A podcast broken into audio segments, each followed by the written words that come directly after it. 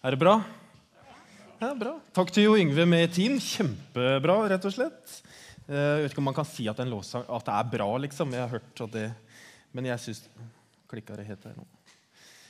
Jeg syns det var veldig bra, rett og slett. Skal vi se om vi er på nett. Det er vi, ja. Dere som var her forrige søndag, eh, da var det sånn at da snakka jeg så fort at opptakeren ikke klarte å henge med på opptaket. Så den, den klarte ikke å ta opp det som ble sagt. så derfor for er det jo fint at dere har kommet i dag, så dere kan høre det litt sånn live. da, i og med at det er ikke sikkert at det blir tatt opp når det går for fort. Og så har det vært sånn, sånn eh, Ja. Eh, tenker det er greit, ja. Eh, Men i løpet av de siste tre ukene som eh, Nei, tre ukene? Seks ukene så har vi snakka om menighetens verdier. Pulserende, utadvendt og real. Og så har vi stilt da spørsmålet hva betyr verdiene for oss? Eh, hvordan kommer de til uttrykk her hos oss? Eh, gir de oss retning? Og er de relevante, eller er det bare liksom noe vi har i en skuff og sier det var fint den gang? Liksom, for åtte-ni år siden når vi, når vi meisla ut det? Eller, eller har de noen hensikt? Eh, også Noe som jeg også har vært eh, opptatt av, da, er jo det, det, eh, er det på en måte bare kun menigheten og driftens verdier? Liksom? Er det bare noe som hører til i organisasjonen eller organismen? Eller er det noen verdier som også kan være mine personlige verdier? Eh, har det på en måte noen effekt inn i våre liv?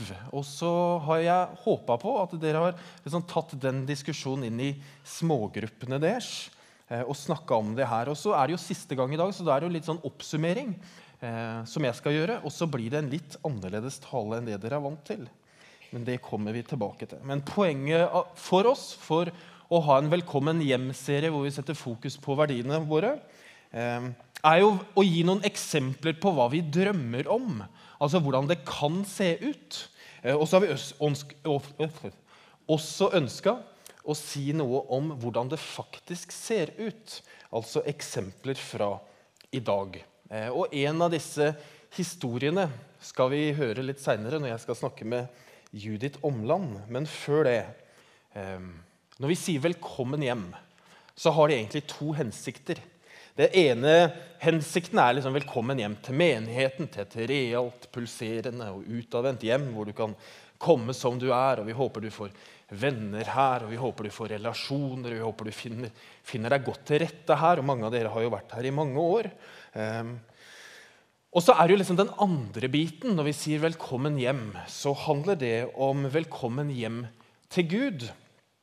Uh, altså at det er Gud som ønsker deg velkommen hjem.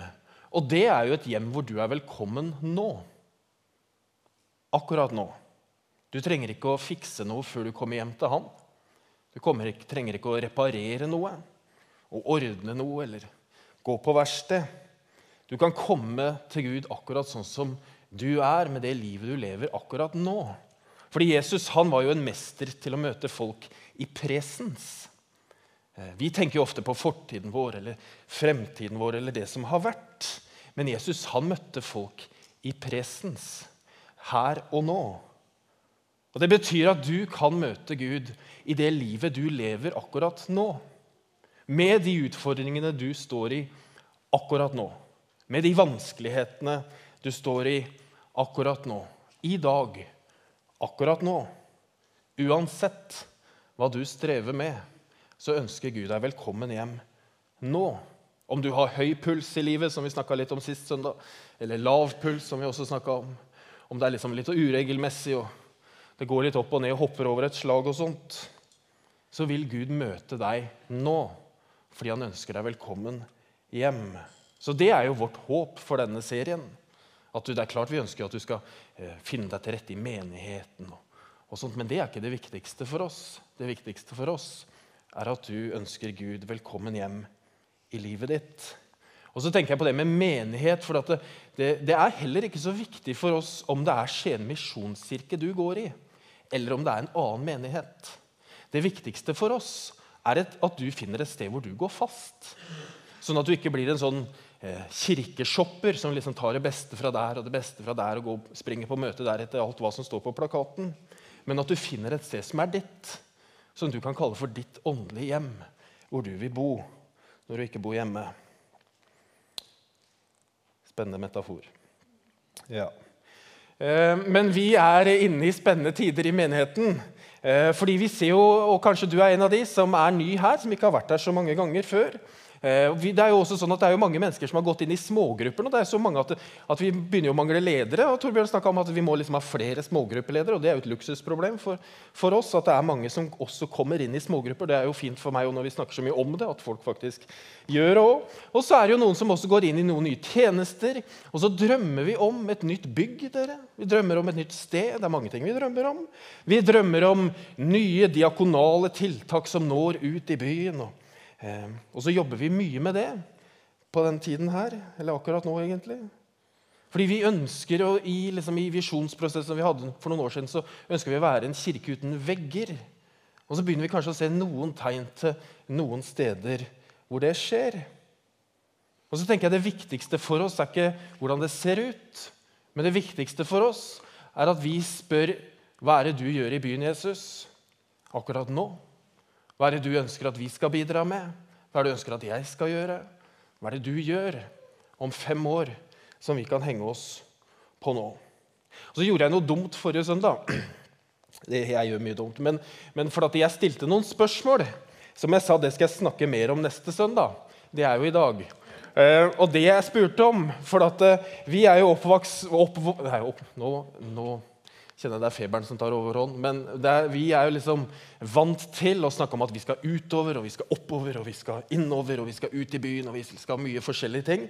Um, og så er jeg redd for da disse spørsmålene her om det er sånn at vi i jaget etter en vellykket menighet som vi ønsker å være, med gode resultater, sant? vekst og utvikling, og spredning av verdens viktigste budskap, som er det viktigste for oss, at vi kan stå i fare for å ta noen snarveier i tros- og menighetsutvikling som ikke er sunne på lang sikt. Og så spurte jeg, Er det bare sånn at det er sunne planter som vokser. Hvordan er det i hagen din? Er det bare sunne planter som vokser? Og er det sånn at det bare dersom folk blir kristne og møter Jesus, så har vi lykkes? Nesten uansett hva vi har gjort. Eh, og så spurte jeg, Er det sånn at vi skal gjøre alt mulig, utenom synd selvfølgelig, for å dele evangeliet med andre. Og ulempen er jo når jeg sier, er så dum og sier at dette skal vi snakke mer om neste søndag, så må jeg jo gjøre det. Og så har jeg ikke så lyst til å svare på det. Fordi jeg har så lyst til at disse spørsmålene her skal du ta med deg og tenke over. Både for menigheten, men også for ditt eget liv. Om det er sånn at bare fordi det er vekst og utvikling, og liksom du når stadig nye ting, så er det sunt, og så er det bra, og så er det godt. For da er det sånn. Ehm, men så istedenfor å svare på det, da, så har jeg noen nye spørsmål. Og de er sånn, de er mye kortere. Det er hvorfor går du her, egentlig? Hvorfor går du i Skien misjonskirke? Hvorfor kaller du Skien misjonskirke for et åndelig hjem hvis du gjør det? Og hvorfor går du på gudstjeneste? Hvorfor går du her? Og så lurer jeg på, kan man kalle, for det hender jo jeg hører, oi, da var det en skikkelig bra gudstjeneste. Så tenker jeg, men hva med forrige søndag? da? Var den dårlig, liksom? Kan man kalle en gudstjeneste for god eller dårlig? Kan man det? Og så har jeg et langt sitat, eh, som jeg ikke er veldig glad i å ha lange sitater, men jeg har et veldig langt sitat fra, fra en venn av meg som heter Erik Andreassen, som er pastor i Oslo misjonskirke. Han var og talte i april, og han skrev på Facebook Det er jo sånn for vi som er liksom under 40, vi henter ikke liksom våre sitater og kunnskap fra leksikon, men nå henter vi det fra Facebook. Eh, og, og Erik han skriver i august om gudstjeneste. Ja, jo, vi er samlet til gudstjeneste. Vi gjør et forsøk på å være alle mulige slags folk i fellesskap rundt Jesus. Vi er samlet fordi vi har det felles at vi ønsker at Jesus skal bli tydelig for oss. Vi møtes for å være sammen om å være sammen med Jesus. Fordi vi håper og vi trenger at Jesus får tak i oss og får prege oss og fikse oss og gi oss og verden det vi trenger så skjer det noe mer enn hva du kan se. Og selv om vi hører på helt forskjellige musikk- og radiokanaler i bilen på vei hit, skal vi synge de samme sangene når vi er sammen. Og den sangen som for én person er kjent og kjær og gir deg masse gode minner og følelser og opplevelser av Guds nærvær, er for andre helt ukjent og oppleves mest som bråk eller alternativt som veldig traust. Men når du står der og er litt irritert, så kommer du på at du er på gudstjeneste. Gudstjeneste ikke meg-tjeneste. Du er jo ikke her først og fremst for å få noe ut av det, selv om det selvsagt har betydning, men for å ta del i noe som er større enn deg selv og dine egne preferanser. Var ikke det bra sagt? Jeg synes det var så kjempebra sagt, og Da skal ikke jeg rote det mer til med å si noe mer. Men For det står egentlig for seg selv. Og Så tenker jeg så kan du ta de spørsmålene og det utsagnet der. Eh, og så, du, så vil jeg gjerne at du skal ta det med i smågruppen din og i familien din og snakke om hva betyr dette for oss. Rett og slett. Fordi hva er menigheten, dere? Det er ikke bygget, selv om mange tror det. Det er ikke aktiviteten eller programmene eller møtene. Det er ikke sangerne eller pastoren eller møtelederen. Men hva er menigheten? Jo, menigheten er mennesker som er satt sammen for å tjene Gud. Det er det menigheten er. Og så er det et tegn og en forsmak på Guds rike i denne verden. Og da handler det ikke om størrelse, det handler ikke om budsjett, det handler ikke om antall som kommer på møter, og det handler ikke om størrelse eh, på bygning eller, eller hva vi driver med. Fordi menigheten er ikke et sted vi besøker. Det er ikke en aktivitet eller noe vi gjør, men menigheten er noe vi er. Ja. Så jeg har hatt lyst til å gjøre noe helt annerledes den søndagen her, i og med at det er oppsummering. Og da, Istedenfor at jeg skal snakke liksom 20 minutter til om dette, så tror jeg at for min del så trenger jeg av og til å på en måte løfte blikket mitt litt. Eh, og Av og til så sier noen at nå må du løfte blikket litt ned, liksom, så du ser hva vi må holde på med. At det ikke bare er der oppe. Eh, men oss, for, for, ofte så hører vi om historier liksom fra der eller der eller der. Men så tenker jeg det er så mange historier i denne menigheten eh, som vi av og til trenger å høre. Og Derfor har jeg spurt eh, Judith Omland om hun kan tenke seg å ha en samtale med meg her oppe. rett Og slett. Og det skal vi ha nå. Og da vil jeg gjerne at eh, vi klapper henne opp.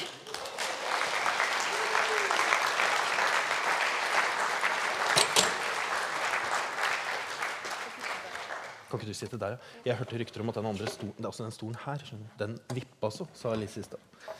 Så da tar jeg den. Det er trivelig. Judith, hun er eh, Du er gift med Dag Rune. Skal du ha en mikrofon, kanskje? Kanskje det. Skal du ha den? Takk skal du ha. Judith er gift med Dag Rune. Ja. Har barna Herman og Theodor. Um, hvor mange år har du vært i menigheten, Judith? Ja, det er et godt spørsmål. vi kom hit når vi gifta oss i 1997. 1997. Så da begynner det å bli noen år. Ja. Så har du jobba her? Mm. Da begynte jeg å jobbe her som menighetsmusiker ja. en del år. Mm. Ja. Og så når jeg ble kjent med deg, da, så du, da hadde du eget firma, musikkpedagog. Mm, det, det, er jeg, ja. Og det er du jo. Det er fremdeles. Um, og så fordi vi hadde barn sammen som gikk i samme barnehage. Mm. Det er mhm. derfor vi, liksom, vi kjenner hverandre. Ja. Um, og så jobber hun nå på Skauen, eh, parallelt Skauen skole, parallelt med å ta en utdanning. Um, og så husker jeg det, det, I fjor sommer så spilte du i bandet på Liv og Vekst. Ja. Uh, vi leda alle sammenmøtene på Liv og Vekst, som var liksom formiddagsmøtene på Misjonsforbundets sommerfestival. Og da, da spilte du piano i bandet og var liksom motor. Um, I går, Judith, da hadde du bursdag. Ja, det hadde jeg. Da var du 43 år. Ja. det er noe å klippe for. Takk, takk. Ingen blir gammel, altså.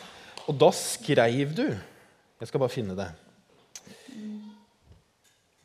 Du skreiv i går kveld på Facebook Herlig at livet pulserer igjen, og at håret er tilbake.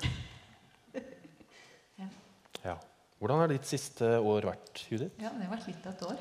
Ja. ja.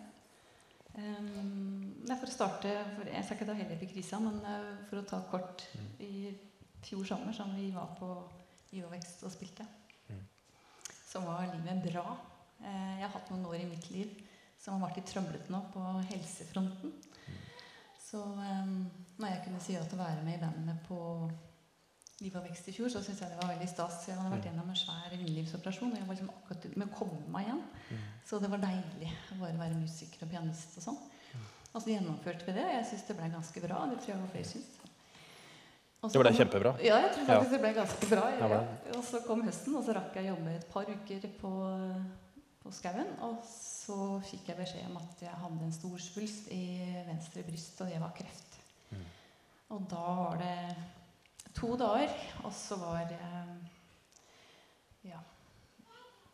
ja. Hva, hva skjer da? Jeg har egentlig lyst til å si litt stygt ord, men jeg skal la være. Da var, eh, da var rabalder i gang. Ja. Mm. Så fra, det som lå framfor meg da, var et, minst to operasjoner. Mm. Og jeg fikk ganske kjapt beskjed om at jeg måtte gjennom cellegift og også stråling i Oslo. Mm. Jeg husker jeg var oppe hos deg ikke så lenge etter. Eh, og hva, hva rører seg liksom i kropp og hode da, Judith? Når alt liksom Ja, nei, det, raser? ja, nei, det var vel det at det eh, Jeg var i kommingen og jeg hadde gleda meg veldig til å begynne å jobbe igjen. Eh, etter mye sykdom og harde tak. Og så får du en sånn beskjed. Så det som skjedde vel med meg, var at jeg gikk rett i kjelleren, og jeg gikk inn i en veldig dyp eh, depresjon. Mm. Så jeg ga bare bløffen i alt og alle. Mm. Mm.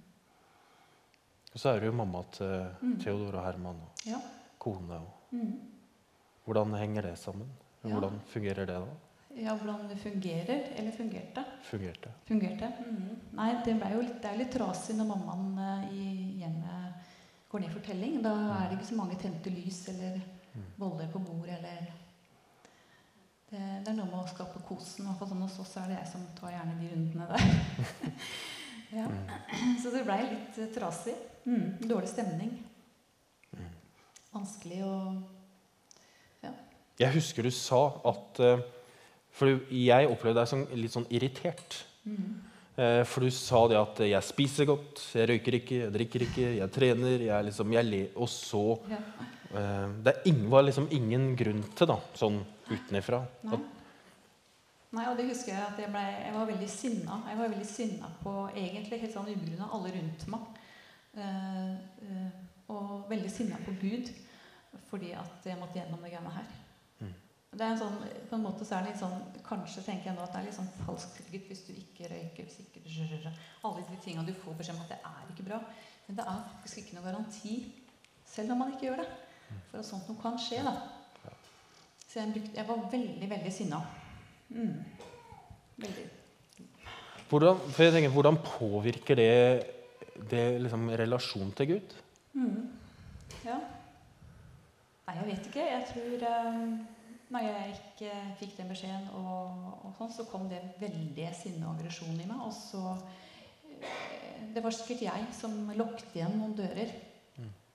For jeg var bare sinna. Mm. Ja.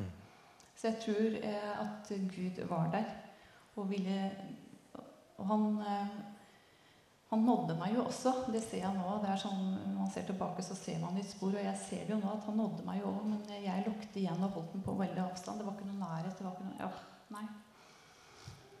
Hvordan tenker du at han nådde det? Ja, jeg tenkte litt på det når jeg, i forkant av samtalen Ja. vår. Jeg tror det eneste måten jeg kan si at jeg opplevde Guds nærhet på i de månedene og mens det sto hardest på, var eh, Jeg fikk stadig et bilde som kom opp inni, inni meg, inni mitt indre, i øynene mine når jeg lukket øynene mine. Det er et bilde som jeg nok har sett flere år, men det kom veldig veldig fram i fjor.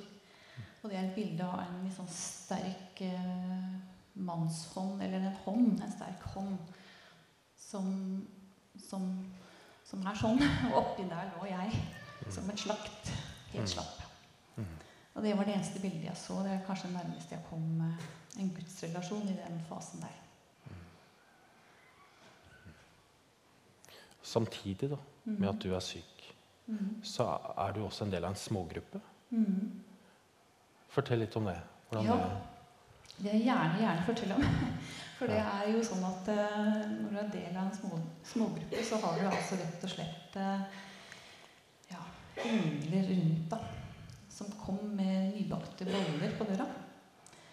Eh, Linda Gandal er sykepleier, og hun kom og satte sprøyta i magen på meg etter hver cellegiftkur. Så slapp jeg reise ut på Moflata og se og være der. Det var godt å slippe å være der. Jeg kunne være hjemme. Det handla om å ta seg av gutta våre litt. Eh, så Dag Rune fikk litt fri.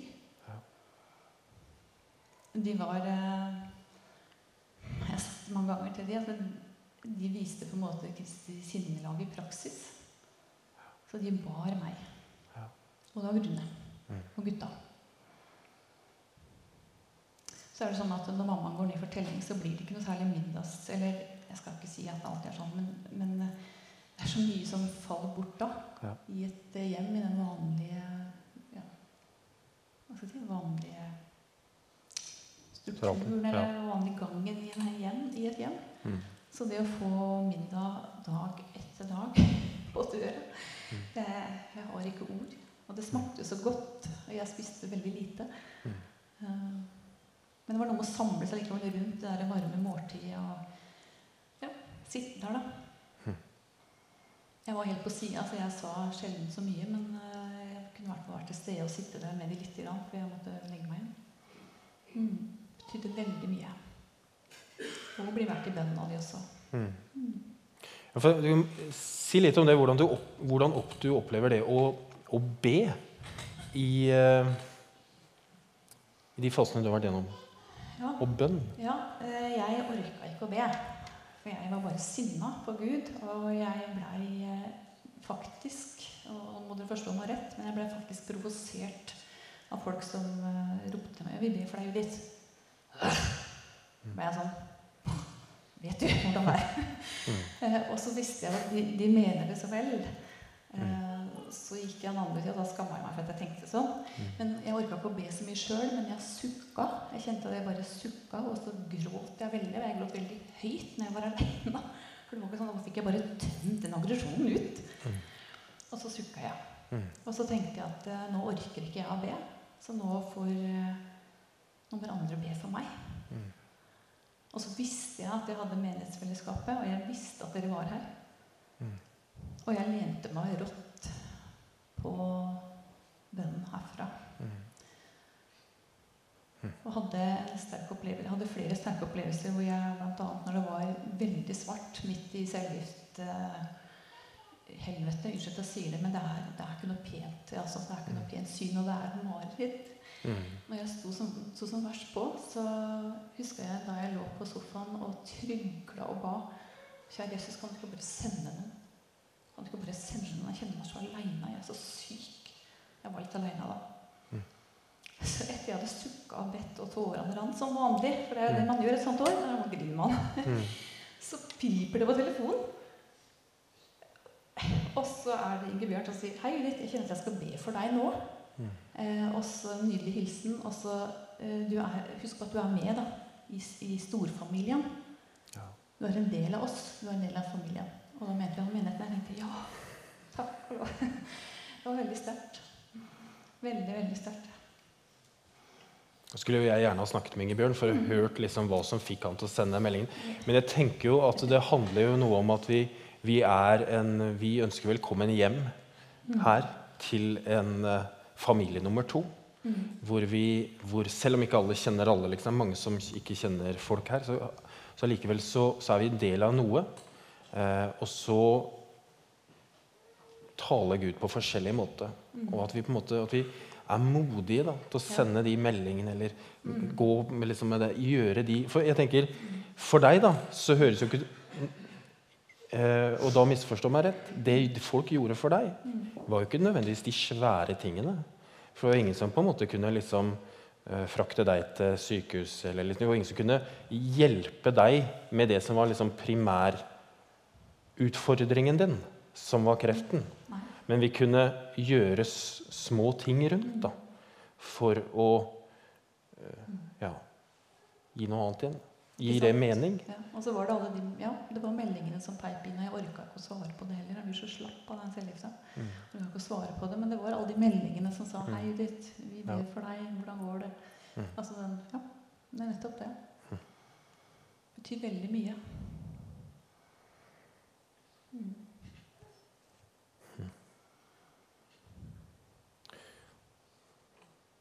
Ja. Forrige søndag så snakka jeg om pulserende. Mm. Eh, det å ha høy puls og lav puls og Mm. hvilepuls, og at jeg ofte tenker på høy puls når jeg tenker på puls. Mm.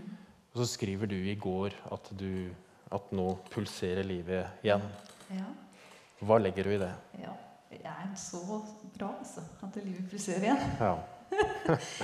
Nå er, jeg litt, nå er jeg litt tilbake på banen som mamma og som kona til Dag Rune. Nå er, jeg, nå er det litt kos hjemme da, i Svensfjord 15, der vi bor. Mm. Så nå er det litt eh, Ja, og jeg blir masa på som en mamma skal. Og ja. Får gleden av å vaske alle klærne og sånn. Altså, det er eh, Ja. Jeg syns livet pulserer, og det er veldig stas å være på jobb med mine skjønne, skjønne kollegaer og elever. Um, jeg føler jeg står eh, Nå føler jeg at jeg lever midt i underet. Og det er ikke for at liksom det er så Ja, forstå meg rett, det er så gøy. Og det er så slitsomt. Mm. Når livet pulserer igjen. ja. Jeg er helt utkjørt. Jeg er som alle andre på fredagskvelden. Og litt lørdagskvelden òg. Så det er, eh, men det er jo sånn naturlig. Sånn skal det jo være. Mm. Mm. Så jeg er takknemlig for det. Det er én ting du ikke har sagt, da, som, som du har sagt til meg flere ganger. Og det er jo alt, For det skjedde jo flere på en måte, mirakler underveis. Ja. Fordi det, eh, du gjorde jo andre ting mens du var syk også. ja. Du var jo ikke bare hjemme. Nei, jeg gjorde egentlig en del ting før Ja. jeg var syk. Ja. Jeg, begynte, jeg kom inn på lærerhøgskolen eh, våren 2015. Jeg gjorde altså da, Istedenfor bare å gå og drømme, så søkte jeg på en grunnskolelærerutdannelse. Mm. 50 til 10. klasselærer. Mm. Så kom jeg inn. Og så kom høsten og så den trasige beskjeden. Og jeg var veldig på nippet til å gi opp, men samtidig så fant jeg at det kunne kanskje være greit å lese på noe grammatikk og litt forskjellige standarder da, når den først ligger der og ikke fungerer så veldig sånn i kan Mm. ordne opp eller ja. Så nei, så jeg kom meg gjennom første klasse på lærerhøgskolen. Ja. Mhm. Og Det er jo helt vilt, ja, det, egentlig. Ja, det er litt Ja. Det er jo på en måte galskapen i det som jeg kan le av nå, som jeg bare rista på huet av nå. da. Men det er jo fordi at jeg er nok eh, en sånn Jeg tror det er en sånn kombo der, da. At jeg er veldig stridig og sta. Når jeg først har bestemt meg for noe, så gjør jeg det. Mm.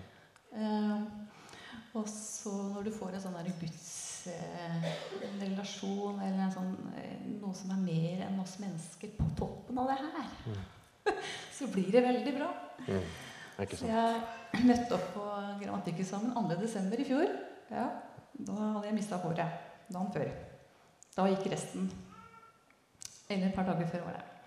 Og så tenkte jeg den eksamen der, den skal gjennomføres.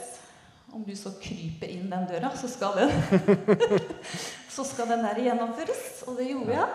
Jeg hadde så brillen på baklomma, for jeg, da holdt jeg på med cellegift. Og da, da blir du litt sånn shaky i kroppen. Du har ikke helt styr på armer og bein. Så syntes jeg det var litt flaut. Eh, men de på gruppa mi her i Telemark Vestfold de visste hva jeg sto i. Så det, men det var jo flere i det klasserommet enn bare de. Så jeg hadde den på baklomma så jeg tenkte det er greit å ha liksom, hvis det blir for mye sånn når jeg skal skrive. Men det gikk veldig fint. Så jeg naila den grammatikken noe så grundig. ja. Ja, det er veldig bra. Det er veldig bra. Men jeg tenker det er dere en del av. altså. Det er forbønnen. Det er de der, det er vanvittige forbønnen som jeg opplevde. Som jeg tror løfta meg bare helt. Jeg kan forstå det ikke sjøl. Men det skjedde nå. Mm.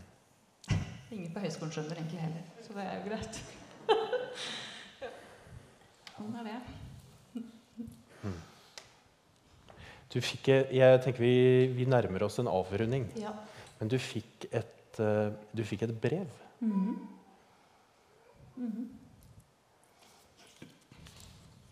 Jeg fikk et brev fra Siri Iversen. Eh, sikkert flere her kanskje som kjenner Siri. Hun er en eh, ja, flott taler. Og Siri og jeg vi har alltid hengt sammen. Fra vi var ett og to år gamle, så har vi alltid hengt sammen. Og nå bor Siri Kristiansand, og jeg bor her. Men vi holder kontakten. Så en dag så dumpa det et brev ned i postkassa mi. Og jeg, jeg tenker at jeg skal lese noe fra det brevet. Jeg tenker at kanskje det er flere som trenger å høre det. Hvis du står i det som jeg var igjennom, eller har vært der, eller andre livskrisesituasjoner, så kanskje det er godt å høre det. Skal jeg lese det, Martin? Ja. Ja.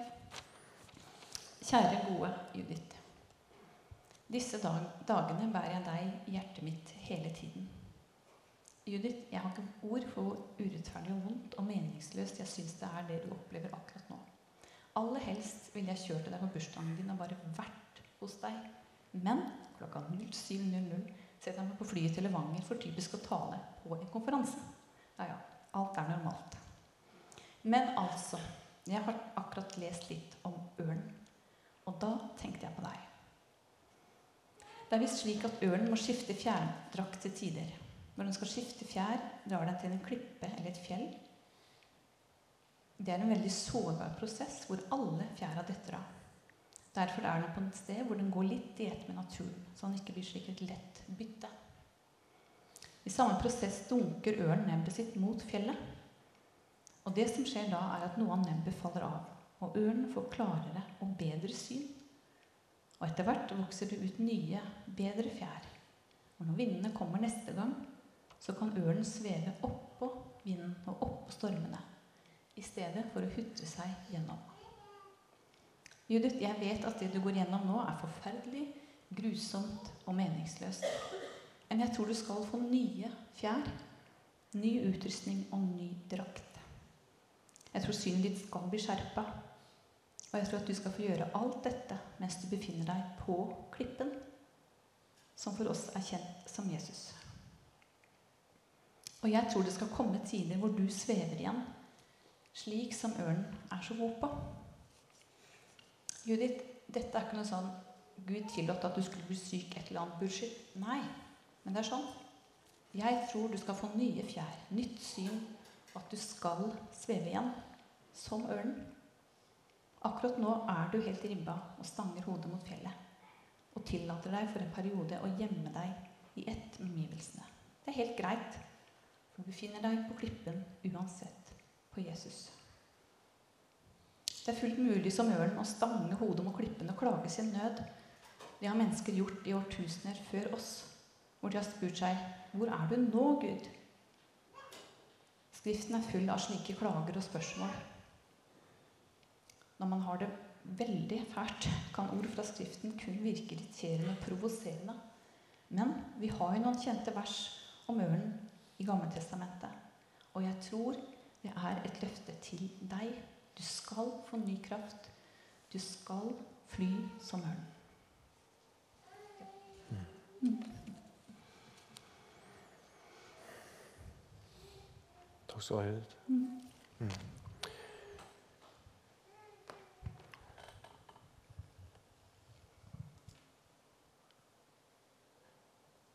Takk for at du er så ærlig og deler. Ja. Eh, jeg tenker Vi sier ofte at vi i storfellesskapet så er det liksom høytid, fest og høy puls. Mm. Og mm. i småfellesskapet så er det nært mm. og omsorg og litt lavere puls. Og så har vi prøvd å få det inn her mm. nå. Mm. Eh, for å vise litt hvor, hvor mye det betyr. Ja. Hvor mye det har betydd for deg og for Dag Rune og, og Herman og Theodor. Eh, at du har hatt menigheten rundt. Eh, men at du også har en, eh, hatt en gruppe rundt deg. Som går liksom noen ekstra skritt. Ja. så takk skal dere ha. Ja. så tenker jeg for oss så er det før vi klapper, så har vi fortsatt et oppdrag å be for Judith og familien. For jeg tenker at det blir jo Nå er du frisk, liksom. Eller ja, ikke liksom. Du, nå er du frisk. Eh, men så er det noe med å lære å leve i den nye virkeligheten nå. Ja, Martin, det er bra du ja. sier. Nå skal jeg tusle ned igjen. Men, men, jeg kjenner fortsatt at jeg trenger at dere ber for meg. Mm. For jeg driver og stabler meg sjøl på beina om dagen, og fremdeles så kikker jeg meg sjøl i speilet om morgenen. Hvem er, den, hvem, hvem er du, da? Lurer litt på hvem jeg er. Ja. Ja. Så jeg trenger, og jeg trenger å lene meg litt på dere. Jeg trenger å lene meg mye på dere som menighet. Mm. Og um, og hvis det er noen som kan, eh, hvis jeg kan, noen som kan bruke meg eh, trenger du å snakke med meg, så gjør gjerne det. Mm. Jeg har, eh, jeg har, kanskje, kanskje kan jeg støtte deg eller hjelpe deg. Men tusen takk for forhånd. Ja. Um, mm. yes. Takk skal du ha, Judith.